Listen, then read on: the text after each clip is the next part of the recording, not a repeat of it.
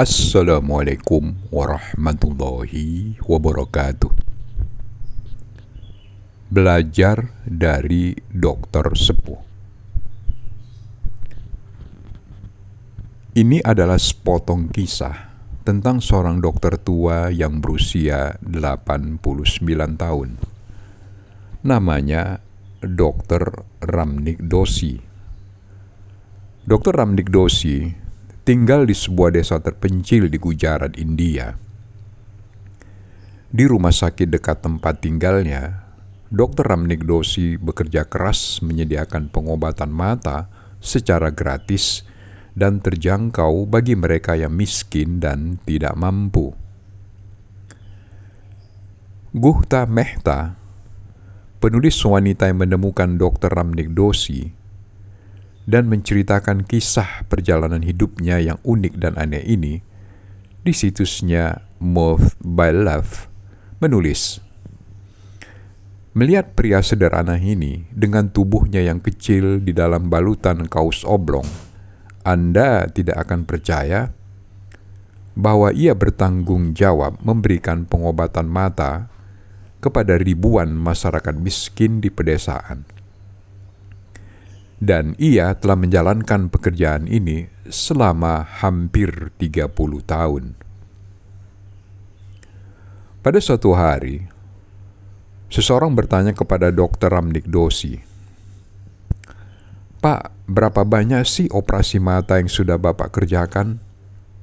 Dia tidak menjawab, malah balik bertanya, apa yang Bapak makan pada hari Rabu siang yang lalu? Orang-orang tentu saja tidak dapat menahan tawa.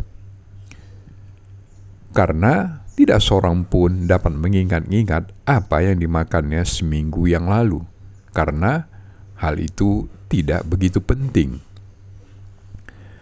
Similarly, for Dr. Dosi, tulis Guhta Mehta, his accomplishments and accolades don't need to be paraded sama saja juga buat Dr. Ramnik Dosi, prestasi dan penghargaan yang pernah diterimanya tidak untuk disebut-sebut. Guhta Mehta melanjutkan ceritanya. Terinspirasi oleh Rapin Shar Maharaj, seorang reformis pengikut Mahatma Gandhi yang terkenal dengan prinsip perjuangan Swadesi, Dr. Ramnik Dosi dan tiga orang dokter sahabatnya serta dibantu oleh beberapa relawan melakukan eksperimen pertama dengan mobile eye, cam untuk pengobatan mata di desa Petlat. Pengadaan biaya untuk mobile eye cam ini mereka peroleh dengan cara menghutang uang ke bank tanpa jaminan untuk mampu melunasinya. Semua orang semua orang mengira kami sudah gila. Sehingga kami bertemu dengan seorang penyandang dana yang juga merupakan pengagum Ravin Shar, Ravi Shankar Maharaj. Ucap Dr. Ramnik Dosi menceritakan awal mula perjalanan hidup mereka melayani masyarakat kelas bawah.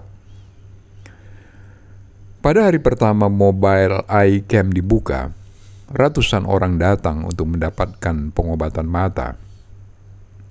Kebetulan, pada hari itu ada seorang pejabat negara sedang berkunjung ke desa itu. Sang pejabat menyempatkan diri untuk melihat pelayanan di mobile iCam tersebut. Dia begitu terharu menyaksikan kejadian itu, sehingga rela menyumbangkan uangnya untuk menutupi biaya operasional mobile iCam pada hari itu. Tidak sampai di situ saja, sang pejabat dermawan tersebut memutuskan untuk membayar gaji ketiga relawan dokter yang telah menyumbangkan waktu dan tenaga mereka untuk melayani masyarakat. Dr. Ramnik Dosi mengenang saat-saat itu. Selama tiga hari kami perang batin kami datang untuk melayani secara sukarela. Jadi, kami menolak tawarannya. Tetapi, ia tetap memaksa. Pada akhirnya, Ravin Sakar Maharaj memberikan saran yang amat bijaksana. Sebaiknya kita menerima uangnya, katanya, dan menggunakannya untuk meningkatkan kualitas mobile iCam di masa mendatang. Ketika salah seorang dokter yang telah bersama Dr. Ramnik Dosis selama 22 tahun ditanya apa yang paling dia sukai dari Dr. Ramnik Dosis, ia menjawab, I like everything about him but one quality that stands out is that he has no false thoughts. Aku menyukai segala hal tentangnya. Namun satu sifat yang paling menonjol darinya adalah ia tidak pernah punya pikiran-pikiran yang jelek. Lalu apa pula yang menyebabkan Dr. Ramnik Dosi bisa punya usia yang panjang, hidup sehat dan bugar? Mari kita dengarkan penuturannya. I have not been sick for the past 50 years. No cold, no flu, no diarrhea, no sore throat, nothing. What is his creed? To live with joy, he confidently reports with a big smile. Aku belum pernah sakit sejak 50 tahun terakhir ini. Tidak pernah demam, tidak pernah flu, diare, radang tenggorokan, tidak pernah sakit apa pun. Apa rahasianya? Hidup dengan rasa bahagia, katanya penuh dengan keyakinan sambil senyum mengembang di bibirnya. Lalu dari mana ia memenuhi kebutuhan hidupnya sehari-hari? Dan inilah jawabannya. It is simple cause and effect. If you feed others, you won't go hungry.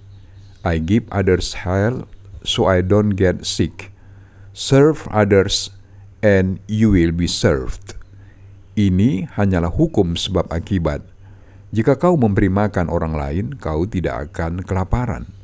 Saya menyumbangkan pelayanan kesehatan bagi orang lain sehingga saya tidak sakit. Layanilah orang lain dan kau akan dilayani. Saya teringat dengan Stephen Foster PhD yang menulis sebuah buku yang berjudul Why Good Things Happen to Good People. Di dalam buku ini diceritakan bagaimana penemuan-penemuan ilmiah mutakhir ternyata membuktikan adanya hubungan yang sangat signifikan antara perilaku berbuat baik terhadap orang lain dengan usia yang lebih panjang, hidup yang lebih sehat, dan perasaan yang lebih bahagia. Wa ma taufiqi illa billah alaihi tawakkaltu wa ilaihi unib. Wassalamualaikum warahmatullahi wabarakatuh.